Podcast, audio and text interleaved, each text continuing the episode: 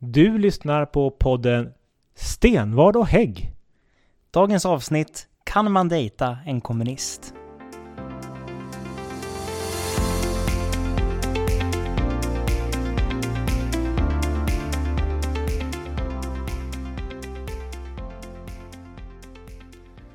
Välkommen till eh, vår nya podd eh, Stenvard och Hägg, eller nygamla ska vi säga, Alexander.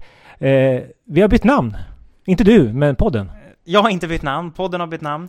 Vi har tagit bort Region Gävleborg för individualistiska moderater. Vi vill ha mer fokus på oss själv nu. Eh, och därför får den heta Stenvard och Hägg bara. Det är kort och gott enklare så helt enkelt. Catchigare. Ja, precis. Ja, men det ska det funka. Det är lika bra som det gamla namnet. Sen får vi se. Vi kanske byter igen till någonting annat. Det Eller- får vi se. Nästa år då kommer det något helt nytt. Precis. Eh, nu är vi tillbaka efter sommaren. Hur Ja. har din sommar varit? Har du haft det skönt? Lugnt och skönt? I skärgården? Ja, det har varit lite som somrarna har varit när man har varit mindre. Man har egentligen bara varit hemma hela eh, sommaren så. Annars eh, så har det, Almedalen missar vi ju. Annars har jag åkt till Almedalen varje sommar de senaste fyra åren. Ehm, Det varit ganska lugnt den här sommaren just utifrån eh, Ja. corona, restriktioner och sådana delar. alltså det enda jag egentligen har... Enda gången jag lämnade kommunen var att jag var i Stockholm ett dygn. Oj. Det är det enda. Jag har åkt husbil med familjen. Corona-isolerade i en husbil runt om i södra Sverige. Faktiskt eh, riktigt trevligt och bekvämt. Men eh, inte så mycket folk faktiskt ute och rört på sig ändå. Man har sagt att det har varit mycket folk ute som jag inte... Vi har, de har fan inte varit där vi har varit. De såg att du kom där och då åkte Då drog de. Ja. Men nu är vi tillbaka igen och ska ladda för en helt ny höst eh, som också säkert blir annorlunda jämfört med, ja, med tanke på den vår vi har haft. Men eh, idag tänkte vi, vi har ju ett litet namn på det här avsnittet, Data en kommunist. Eh, tanken var vi skulle prata om eh, politiker och, och politikerrollen. Vad innebär att vara just politiker? Det är ofta en fråga man får. Liksom så här. Ja, 17, vad gör du på dagarna? Det är den vanligaste frågan bland väljare Ja. egentligen. Och, vad gör ni på dagarna? Vad svarar du då? Eh, jag, framförallt eftersom att jag bara har varit regionråd sedan i april. Jag har bara varit regionråd under coronapandemi. Jag vet inte hur det är att vara regionråd under vanliga omständigheter. Och vi har ju också en annan vardag nu. Vi kan ju inte, normalt sett brukar ju vi göra verksamhetsbesök och företagsbesök. Det blir ju inte lika mycket av. Det är inte så passande att komma inspringandes på en vårdavdelning i dagsläget och säga nu ska vi vara här och ställa frågor och eh, vara med när ni jobbar. Så det är ju Men det är ett av de bästa delarna faktiskt man gör som politiker. Att just vara ute och möta våra medarbetare, möta människor i sin vardag. Det är, tycker jag är det som ger mig mest. Eh, Det är det mest intressanta Ja. kanske som händer. Eh, Vi hade ju besök i somras innan vi gick på semester på Berentsen. I Ockelbo ja. Mitt första officiella besök som eh, regionråd. Så det var kul att vi fick göra någonting annat än att sitta på kontoret. Men vad är det då vi gör på kontoret under dagarna? ja, det blir ju eh, mycket om att man försöker få kontakt på annat sätt. Vi har ju alltid de digitala kanalerna. Eh, försöka hitta samtalen med, med människor men också planera och eh, titta på hur ska vi kunna lägga förslag helt enkelt. För det politiska arbetet har ju fortsatt som vanligt under våren. Mm. Det ska vi säga. Våra möten som ändå är inplanerade eh, fortgår ju hela tiden. Så att där har ju vi ett, ett stort ansvar att bedriva både vår politik men också opponera mot de andras politiska förslag. Yes. Men om man diskuterar så här lite allmänpolitiskt, vad händer inne på kontoret? Och någonting som i alla fall jag har fått frågan om. För vi sitter ju ändå i samma byggnad och jobbar som våra politiska meningsmotståndare. Och därav lite Olika våningsplan dock. olika våningsplan dock, men eh, likt ändå i samma byggnad. Och vi sitter ju i en hel del möten med våra politiska meningsmotståndare och vi springer på dem vid kaffeautomaten. Eh, och därav också namnet på dagens avsnitt lite grann. Hur mycket interagerar man egentligen med sina politiska motståndare? Och eh, lite grann frågan jag har fått, alltså Umgås så- du med vänsterpartister och socialdemokrater? Är det va- som vanligt som, mellan er när ni inte liksom står i talarstolen eller så? Eller är ni så osams som det låter i talarstolen? Nu ska vi säga, det är inte så jättemånga tror jag som lyssnar på vad vi säger i talarstolen heller. Eller på våra Jag tror inte det är möten. så många som följer regionfullmäktige. Jag tror folk gör lite Men annat. det intressanta är ju som du säger att man faktiskt eh, på något sätt speglar upp att vi är väldigt oeniga när vi debatterar. Och man ska ju komma ihåg att det vi pratar om, det är där vi inte är överens. Där vi är överens, det säger vi inte så mycket om. Så det blir Det väldigt mycket mycket, att prata om det. mycket konflikt där va. Mm. Men sen är det ju en sak att ha en het politisk debatt i, någon, i något forum i fullmäktige eller vad det kan vara någonstans. Eller ute i, eller i radio eller på något ställe. Och sen så är man ju faktiskt eh, vänner utanför och kan umgås som man gör med andra. Ja. Så att man kan absolut vara vän. Jag har eh, vän med eh, diverse olika politiska åskådningar och eh, det finns även kommunister i, i ens bekantskapskrets. Absolut. Har du någon eh, vän som har en väldigt udda politisk åsikt? Ja, alltså jag skulle inte säga de allra flesta vänner jag har som är aktiva politiker har jag ju lärt känna genom Moderaterna och MUF. Så där är det nog ändå mest de som, är, som jag delar politisk uppfattning med.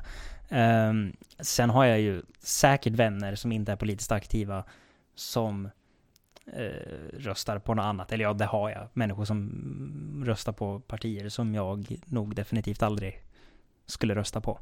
Men och vad det gäller just stämningen här inne, så jag försöker i alla fall utanför det politiska rummet hålla en så god ton och skilja på sak och person så gott det går. Och i de flesta fall upplever jag ändå att de, man försöker agera likadant. Men det finns ju alltid undantag. Men man granskas ju väldigt hårt som politiker. Eh, Vi vet ju att media är ju väldigt mycket på att se hur, hur lever man som man lär. Jag har det som viktig devis att man ska leva som man lär. Det innebär att man ska eh, kunna stå för det man gör och inte eh, vara i någon gråzon. Vi har ju, har ju kunnat läsa om politiker som inte betalar tv-licenser och, och sådana här delar. Hur, hur eh, laglydig är regionrådet Hägg? Nu ska jag bekänna allting. Nej men det är ju, om man tänker att leva som man lär. Jag tror att det är mycket lättare för borgerliga politiker att leva som man lär eftersom att vå- våran politik grundar sig så mycket i individens frihet Och ansvar. och ansvar. Men så här till exempel att om en miljöpartist åker jättemycket bil, då tror jag att det är eh, mycket lättare att den får skit över det än om vi skulle göra det. För vi har ju liksom inte wageat ett krig mot bilism överhuvudtaget, som Miljöpartiet har gjort. Så på det sättet är det ju på något sätt lättare för, tror jag, liksom moderater, liberaler, KD, centerpartister, som ändå de klassiska borgerliga partierna som ändå har förespråkat och pratar väldigt mycket om frihet, att det är lättare att leva som man lär, tror jag. Men är man, representerar man ett parti som förespråkar väldigt mycket regleringar av olika slag, väldigt mycket förbud, eh, så tror jag att man får lite krångligare att leva som man lär faktiskt. Mm. Hur, hur det ser det ut med... Eh, men det är också någon fråga som alltid lyfts upp också. Det är ju eh, hur vi blir bemötta av andra. Jag menar, man får utstå väldigt mycket skit som politiker. Alltså det är, I samhället i stort så är det okej att säga i princip vad som helst om en politiker. Jag, har hört, Ja. hört mycket, mycket saker som sägs om mig som person som man aldrig skulle kunna säga till någon annan som inte är politiker. Nej, Det där är någonting som har slagit mig som en lite, jag vet inte hur man ska komma åt det riktigt, men det gör ju att man skrämmer bort många. För många frågar mig, hur står det ut att vara? Hur, hur kan det stå ut och få så mycket skit i tidningen eller vad det nu kan vara? Eh, och det där är ju också någonting man måste lära sig att kunna hantera. Mm, och jag tror mycket av vad det gäller, i Sverige har det ju alltid rådit någon form av, alltså rent kulturellt, det är alltid okej att sparka uppåt. Och det köper jag väl ändå någonstans att vi politiker ska hållas ansvarig. Men det jag tror som är lätt att glömma bort är att politiker är ju också människor. Så läser du i kommentarsfältet liksom på lokaltidningen på Facebook när de har delat en artikel om det att jag har gjort någonting och alla politiker är idioter, jada jada. Det är liksom som att människor tror att politiker mm, liksom med intention gör dåliga saker för att få ut någonting av det. Men så, så är det ju inte. Jag, alla politiker någonstans som har valt att engagera sig politiskt, med väldigt få undantag, eh, har nog ändå engagerat sig för att man vill göra bra saker. Sen finns det alltid en komplex verklighet som inte alltid är det lättaste att förklara, men där de nödvändigaste besluten kanske inte alltid är de populäraste. Sen är ju också, alltså media spelar ju en viktig roll i det här. För man ska ju komma ihåg att det är ju lättare, media måste ju också få in intäkter. Och det är väl kanske lättare att få spridning på en artikel som är lite skandalomsusad, där det skrivs något negativt vinklat om en politiker, än att en politiker har gjort något bra. För innerst inne så vill man gärna höra något lite skvaller och man vill nog innerst inne kunna få kasta lite skit också. Och då är det lätt att göra det mot politiker. Mm. Men det är ju inte bara att jobba med politik är ju inte bara den tuffa sidan, det är ju också fantastiskt roligt att få göra det eh, och möjligheter att vara med och påverka och faktiskt påverka människors vardag på riktigt. Mm. Eh, den tror jag man också ska ha med sig att det är eh, nu pratar vi här om, om de negativa sidorna som man får utstå, men det finns ju ofantligt mycket positivt och alla människor man möter runt om också mm. och få se deras vardag. Så att det finns mycket, mycket som ger tillbaks också i, i det politiska arbetet. Men om man diskuterar så här, jag har aldrig blivit jag har aldrig upplevt att jag har känt mig hotad. Jag har aldrig blivit liksom nedslagen på stan på grund av min politik. Sen är det klart att det har damp ner någon kommentar någon gång som är väl lite hotfull, men jag, alltså sånt tar väl inte jag jätteseriöst på. Men det finns ju exempel människor jag själv känner som liksom har tvingats avgå eller valt att avgå från uppdrag på grund av att deras familjer har liksom fått motta mordhot i vissa fall. Mm. Um, och jag vet ju, du, du var väl, uh, inte regionråd, men landstingsråd när landstingsråden vart mordhotade för x antal år sedan. Så länge har jag inte varit Så länge har det inte varit med. Men det kunde ha varit så. Men kunde ha varit så. Ja, det, var, det var på det var håret där. Före min tid så. Nej men det är så, man har blivit utsatt. Eh, jag har själv inte blivit utsatt för något jätteallvarligt, men det är klart att jag har haft eh, samtal som ringer på nätterna eh, och man får utstå det ena och det andra. Eh, så att det är klart. Eh, det är någonting annat. Det, men det värsta som händer det är om ens familj blir utsatt eller ens barn. Mm. Eh, och det har jag tack och lov så här långt inte fått utstå. Så, att det, så jag tror att det där är man har beredskap för att det kan hända i princip när som helst, men, eh, men man hoppas ju verkligen att man ska slippa det där. Så att, eh, nej, men det här är också någonting som kommer påverka hur vi rekryterar nya förtroendevalda. För det är ju så att jobba med politik, det gör man under begränsad tid i livet som jag känner. Och mm. Eh, då är det viktigt att vi rekryterar nya. Och vi har ju mycket folk som söker sig till oss. Mm. Och till andra partier också. Men det känns som att vi tappar också väldigt många. Och då kan man fråga sig, vad ställer vi för krav på framtidens politiker? De som ska vara här om, kanske till och med när du blir, går i pension. Nej men alltså framöver. Det har jag funderat mycket kring. Alltså, jag är väl en del av sociala medier-generationen på ett sätt som har liksom varit enda ögonblick från det att vi varit tonåringar fram tills idag dokumenterat på någon form av sociala medier, vare sig det är Facebook, Instagram, Snapchat, Twitter. Och jag tänker, det finns så mycket liksom digitalt dokumenterat på min generation. Som aldrig glöms bort. Som aldrig glöms bort. Och då blir det, säg om 20 år, 20-30 år när min generation liksom ändå är, kommer vara den generella, de som har makten, alltså rent generellt, rent åldersmässigt. Hur skandalomsusat kommer det vara att den då 48-åriga infrastrukturministern som heter Jada Jada och sitter för parti Jada Jada skrev det här på Facebook när han eller hon var 14-15 år. När den typen av liksom information finns på i stort sett varenda minister, varenda riksdagsledamot, vartenda regionråd och kommunalråd. Hur pass mycket skandal kommer det liksom finnas i det då? Fördelen jag har är att när jag var i, den åldern så fanns inte sociala medier. Så att det jag gjorde då är eh, glömt och finns inte dokumenterat. Eh, men som sagt var, framöver så kommer det vara annorlunda. Och det är intressant att se hur, hur skandalomsusat det blir. Det blir frågan om man fortfarande kommer behandla det som skandaler. Och vad kommer det då exempelvis göra med politikerföraktet? Mm. Eller kommer det inte vara så skandalöst och så kommer man äntligen kanske komma till någon bredare insikt om man, ja men vet du vad, politiker är faktiskt också människor. Och de har gjort minst lika mycket misstag som Pelle i Bergsjö eller Lisa i Falun. Det är ju liksom... Mm. Men nu är frågan här då. Hur kan man dejta en kommunist? Eh, hur fungerar det? Är det ett problem? Fungerar regionrådstiteln bra på Tinder? det har inte lyft, nej. Men eh, jag tror så här att jag skulle nog ändå kunna vara med en person som bara är vänsterpartist, liksom om det klickar bra så. Men skulle den per definition beskriva sig som kommunist skulle jag ha svårt för det.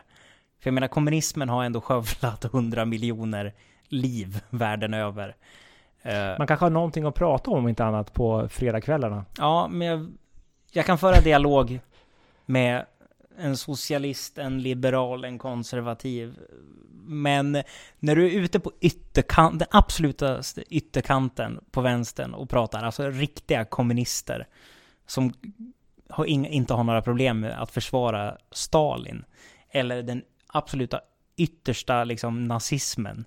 När du når de ytterkanterna, då får jag svårt alltså. Någon form av liksom bara decency får det fan vara.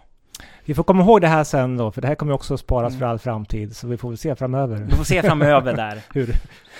Men du, eh, lite grann, det var lite grann om politikerrollen och, och där vi för, hur vi upplever den och eh, vad vi gör på dagarna och, och eh, framtiden så. Men eh, hösten nu då, nu har ju vi en det var en tuff vår eh, med den pandemi vi har haft och så. Vi har blivit helt annorlunda sätt att jobba. Vi får väl se vad hösten, men vi har väl ändå lite tankar om hur vi ska kunna jobba framåt hösten. Jag hoppas verkligen att vi kommer tillbaks att göra våra verksamhetsbesök eh, ute i våra verksamheter eh, på ett coronasäkert sätt, eh, om så är, är möjligt. Då. Men också ut och träffa företag. Det är också en viktig del. Mm. Eh, som vi, och träffa andra organisationer. Så jag hoppas verkligen att vi kommer igång med den. Men eh, hur ser dina planer ut för hösten? Hur tänker du? Det, det kanske blir en... Jag hoppas bara att pandemin är över snart. Ja. För just nu, senare tiden har ju ändå siffrorna sett relativt bra ut här i Gävleborg, men man ska ju inte liksom ta ut någon seger i förskott om man säger så. Det jag mest ser fram emot, det är egentligen den eh, Coronakommissionen, Coronakommissionen, nationella, som ska eh, revidera den svenska strategin och se lite grann vad resultatet blir utav den. Hur, för om man ska titta bara nu de senaste veckorna, så kan det vara lätt att dra slutsatsen att Sverige har gått helt rätt väg. Och för några månader sedan då ifrågasatte man om Sverige kanske har gjort ett, ett av de mest fatala misslyckandena i liksom landets historia vad det gäller den här strategin. Så det ska bli intressant att se egentligen om man kan peka ut några rätt och fel efter det här. Och vad man, för det kommer ju sannolikt komma en till pandemi eller liknande i framtiden. Och vi måste ju se och lära eh, även regionalt. Eh, vi har ju tänkt att vi ska föreslå en eh, coronakommission i regionalt. Just för att vi ska lära oss här hur vi kan göra saker och ting bättre. Ja. Så det är någonting som vi kommer gå ut med inom kort. Så de som lyssnar på det här nu får en förhandsinfo att eh, Moderaterna kommer kräva en coronakommission även i Gävleborg. Mm. För att se vad vi kan se och lära. Eh, men det lär vi ju, det kommer vi återkomma till. Hur vi ser på de delarna. För det är nog viktigt att vi lär oss av det som har hänt och lär oss av det som händer även nu. Då. Eh, sen får vi se som sagt var när, jag tror väl att de här restriktionerna kommer fortgå fram tills vi har vaccinerat oss. Och eh, när det blir det får vi se. Men eh, samtidigt kan ju heller inte samhället vara helt avstannat tills dess, utan man kommer att börja röra igång. Nu hör vi hur man kan börja kanske eventuellt kunna gå på idrotts och kulturevenemang på ett mm. coronasäkert sätt. Eh, jag tror att eh, våra arbetsplatser kommer bli mer fyllda med folk som kommer gå till jobbet. Och så har vi kollektivtrafiken som är en eh, utmaning i sig att få coronasäker. Och det är också någonting jag tror vi måste börja diskutera inom kort och under hösten här hur vi ska kunna få till det. Mm. Så vi har mycket frågor att, att hantera och eh, nya arbetssätt och eh, vi kommer inte vara instängda på regionkontoret. Det, det, kommer vi inte kunna kunna vara för att jobba med det här. Men eh, det var lite kort om det här avsnittet. Eh, har man lite synpunkter och vill ha inspel till vår podd vad vi ska prata om framöver så får man jättegärna eh, gå in på sociala medier och skriva där eller man kan skicka meddelande eller mail eller ringa eller haffa oss på stan eh, vad det nu kan vara. Eller hur Alexander? Absolut. Följ oss på Instagram, det måste man alltid säga. Och där heter det faktiskt nu samma sak som podden, eller hur? Stenvard, ja, podden heter ju Stenvard och Hägg, men eh, Vad heter Instagram? Ä är olagligt, ja. så det är Stenvard och Hagg. Låter kanske inte lika bra, men det funkar lika också. Lika fint, men det, ja. det får duga. Så det var allt för det här eh, första avsnitt av det nystartade och den, eh, med det nya namnet och eh, på återhörande. Nu ringer Patriks telefon här också för er som... ringer här. Om det Ja. vibrerar i bakgrunden. Men På- då tackar vi för oss, på så får. Patrik svara i telefon. Måste jag svara.